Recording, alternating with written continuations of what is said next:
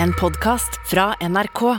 De nyeste episodene hører du først i appen NRK Radio.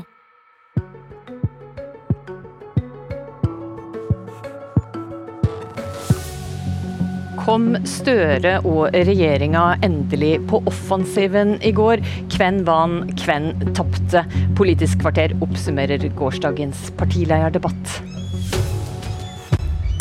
Ja, vel møtt til Politisk kvarter, som i dag har sin siste sending på vårt flytende studio i Pollen i Arendal for i år. For Arendalsveka går mot slutten, og seint i går kveld kom høydepunktet, den store partileierdebatten som i sin helhet handla om kraftkrisa. Og vi skal begynne denne sendinga med et lite sammendrag. Hadde makspris vært løsningen, tro meg, jeg ville gått for det på dagen. Men når jeg ikke gjør det, så er det fordi jeg grundig tror at det er feil. Og det kan til og med virke mot sin hensikt. Det er brukt makspris i noen land som jeg tror Moxnes kjenner godt. De har brukt det i land hvor de har hatt statsstyring, bestemmer prisene. Det har gått galt. Ja, så Et sånt land det var Einar Gerhardsens Norge. Da var det styring på strømprisen, og det fungerte ganske bra. Det her er besnæra av makspris hvis det hadde gått. Men når vi sitter og styrer, så må vi få på plass et system vi vet virker. Folk er regelrett rana. Og mens dere driver og diskuterer og ser på og følger situasjonen løpende. Jeg vil anbefale deg å enten begynne å gjøre jobben din, eller finne en annen. For Norge trenger en regjering som gjør jobben. Vi er i en felles krise i Europa, helt riktig. Den må vi forholde oss til. Men Norge er i en genuint spesiell situasjon. Vi kan hindre at dette slår så hardt ut i folks økonomi, og det bør ikke slå så hardt ut i næringslivets økonomi. Vi, derfor mener jeg at det er viktig at vi har en, en ordning med en strømstøtte. Ja, og her i Arendal så har vi med oss et panel som skal hjelpe oss å analysere og sammenfatte. Hanne Skartveit, politisk redaktør i VG. Vidar Udjus, politisk redaktør i Fedrelandsvennen. Og Tone Sofie Aglen, politisk kommentator hos oss i NRK. Vi begynner med det, Hanne Skartveit. Du ga statsminister Støre en sekser på terningen i går kveld. Hvordan klarte han å overbevise det?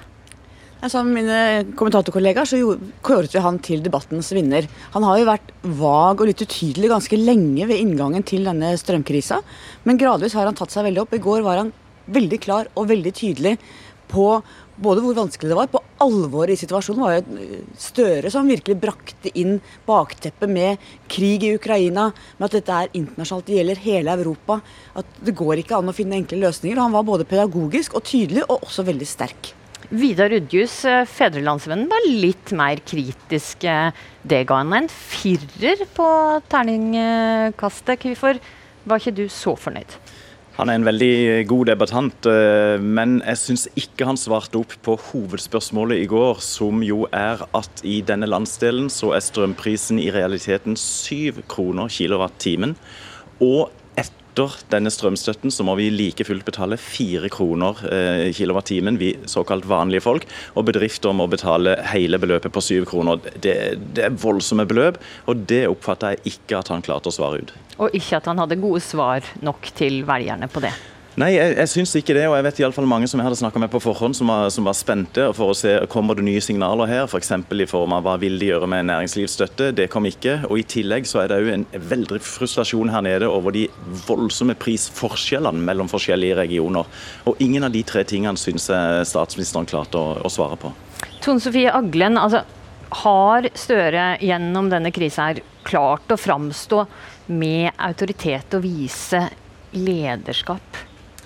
Jeg syns i hvert fall at debatten i går illustrerte veldig godt Støres problem. For han Vi kan kanskje si litt sånn enkelt at det var to leirer der. Det var de som mener at det er markedet som er problemet, og det er de som mener at det er Putin som er hovedproblemet. Og Støre leverte et veldig kraftfullt og engasjert forsvar for dagens kraftmarked og for europeisk samarbeid. Det som nok er krevende for han, er at man må vel nesten ha forstørrelsesglass for å se forskjell på han og Høyre-leder Erna Solberg. Og I tillegg så ser vi at han er veldig alene på sin politiske banehalvdel. De kraftigste konfrontasjonene var mellom han, SV og Rødt om markedet, og han fikk heller ikke noe veldig helhjerta støtte av sin finansminister.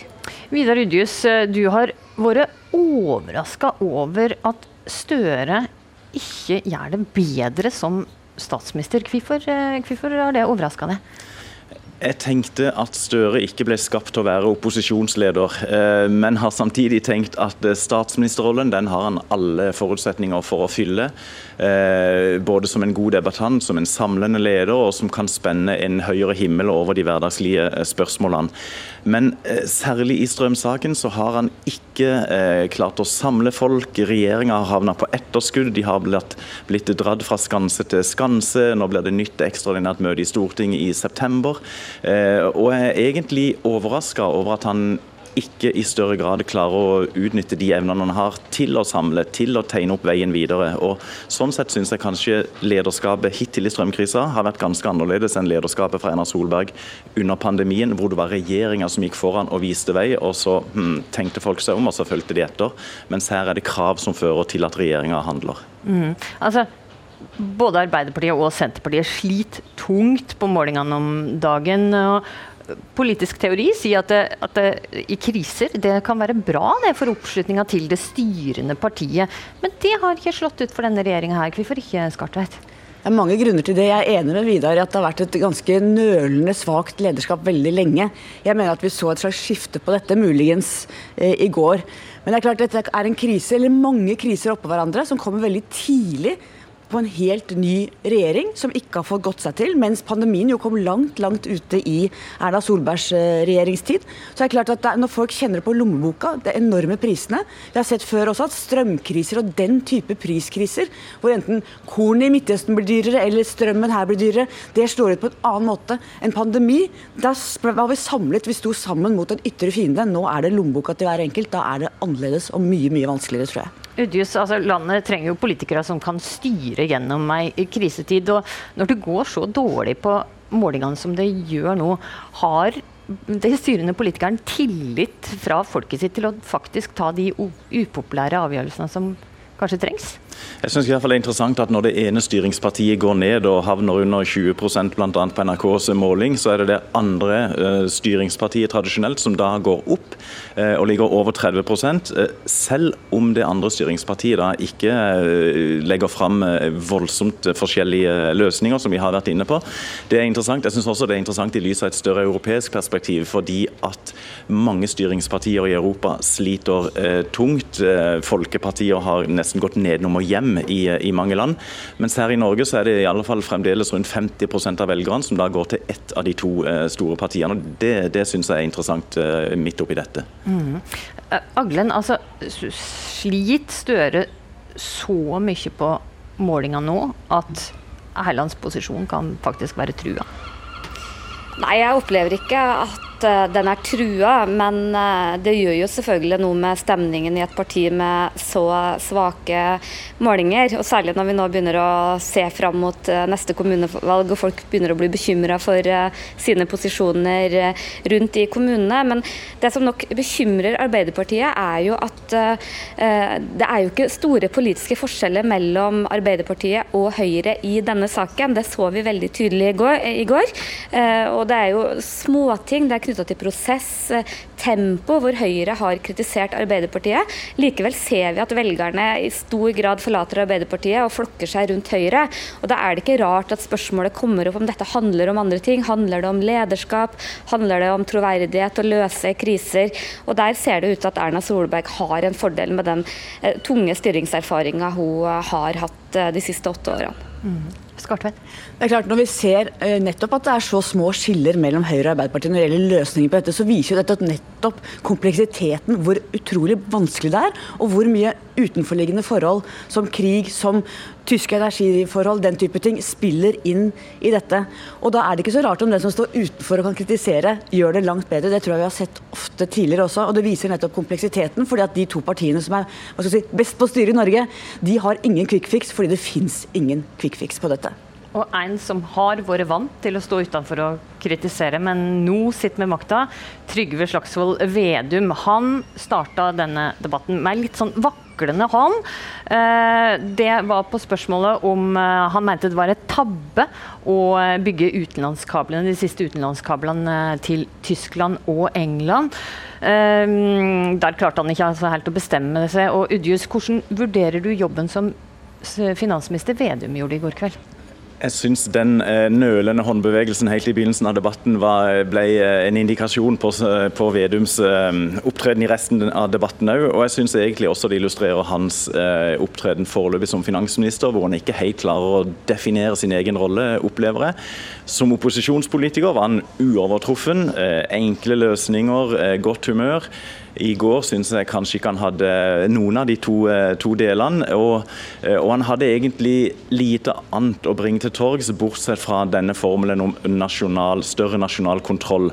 Men hva det da skal innebære, det er usikkert. Og ellers klarte han i liten grad å, å markere seg som en, eh, en trygg, tillitsvekkende finansminister som gir inntrykk av at dette har vi kontroll på, følg oss, vi har den rette veien framover. Det syns jeg ikke han klarte. Han fikk, Du ga han rett og slett en toer på terninga men, men Skartveit, du var litt mer fornøyd og ga han en firer. Eh, hvorfor, hvorfor det? Han har jo tatt på seg den litt sånn ansvarlig finansministerrollen, som jo er veldig veldig vanskelig for han. Han møter jo seg sjøl i døra hele tiden når det kommer fra en så populistisk, lettvint løsningsvalgkamp og har bygget partiet opp til nesten 20% på nettopp å ha de enkle svarene, og så plutselig sitter du der i finansministerstolen, så blir det en slags dobbelthet og veldig vanskelig å finne identiteten. Hvem skal du være? Men jeg syns han var stødig på å nettopp presentere den ansvarlige, egentlig ikke ikke Senterpartipolitikken, men men regjeringspolitikken på en ålreit uh, terningkast fire-måte. Mm -hmm. Aglen, eh, altså, det går jo ikke så bra for Senterpartiet på målingene. De ligger jo på femtallet. Og uh, de har denne sommeren kommet med krav til sin egen regjering. De har sådd tvil om klimamåla. Hvordan fungerer dette for Senterpartiet når de er et regjeringsparti? Nei, Vi så jo da Frp satt i regjering, så hadde jo de delvis hell med en sånn type dobbeltkommunikasjon. Men det er veldig dristig, for det er veldig lett å, å ødelegge for sin egen uh, posisjon. Og vi så veldig tydelig det i går, at Vedum uh, han, han, leverte nok en debatt som hans eget embetsverk uh, ville vært mer fornøyd med den de så. men han, de som stemte på han, de kjente nok ikke igjen den personen som sto der på debatten og forsvarte fagfolk og og snakka om eh, pragmatisme og gjort er gjort, bygd er bygd. Så Det er jo liksom litt i et nøtteskall det som er Senterpartiets problem nå. Mm. Du, vi har snakka en del om uh, regjeringspartiene, men, men hva med alternativet? Hvordan hadde sto det til med, med opposisjonen sine løsninger? Klarte de å overbevise? Nei, og Man så jo veldig tydelig at uh, det er uh, et stort sprik også på opposisjonens side.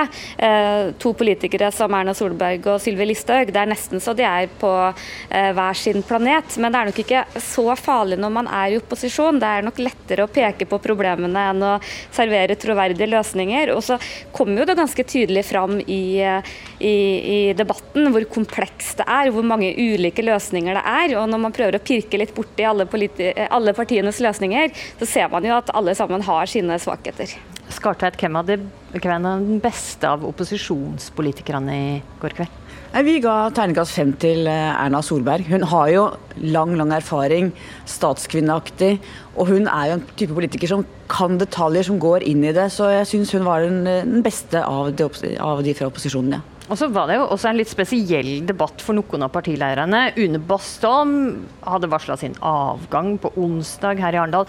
Olaug Bollestad hadde sin aller første eh, partilederdebatt. Det samme hadde Kirsti Bergstø. Hvordan klarte debutantene seg her, Udjus?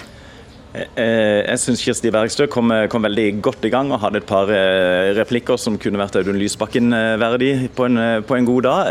Kanskje inspirerte han? Ja, kanskje inspirerte han. Hvem vet. ja. Og, men gradvis forsvant hun ut av debatten, syns jeg. Så er det jo samtidig krevende. Du står 90 minutter og skal på en måte være på tå hev hele tida og ha gode løsninger hele tida. Men Olaug Bollestad, det var ikke hennes debatt. Det, det var det ikke. og jeg kjenner en del KrF-ere i denne landsdelen, og jeg kjenner ingen av de som meldte seg inn i KrF pga. strømprisen. Så dette var, det var egentlig dømt til å bli vanskelig for henne. Og kort til slutt, eh, Skartveit. Eh, Une Bastholm sin siste, hvordan klarte hun seg? Det gikk ålreit, men vi har sett henne bedre i tidligere debatter. Men hun kan jo dette feltet, da hun kan dette feltet. Og der eh, må vi runde av eh, her fra eh, Arendal, for denne sendinga går mot slutten. Takk Tone Sofie Aglen, Hanne Skartveit og Vidar Udjus. Husk at du kan høre Politisk kvarter enten i appen NRK Radio, eller du kan laste ned sendinga som podkast. Programleder i dag var Astrid Randen.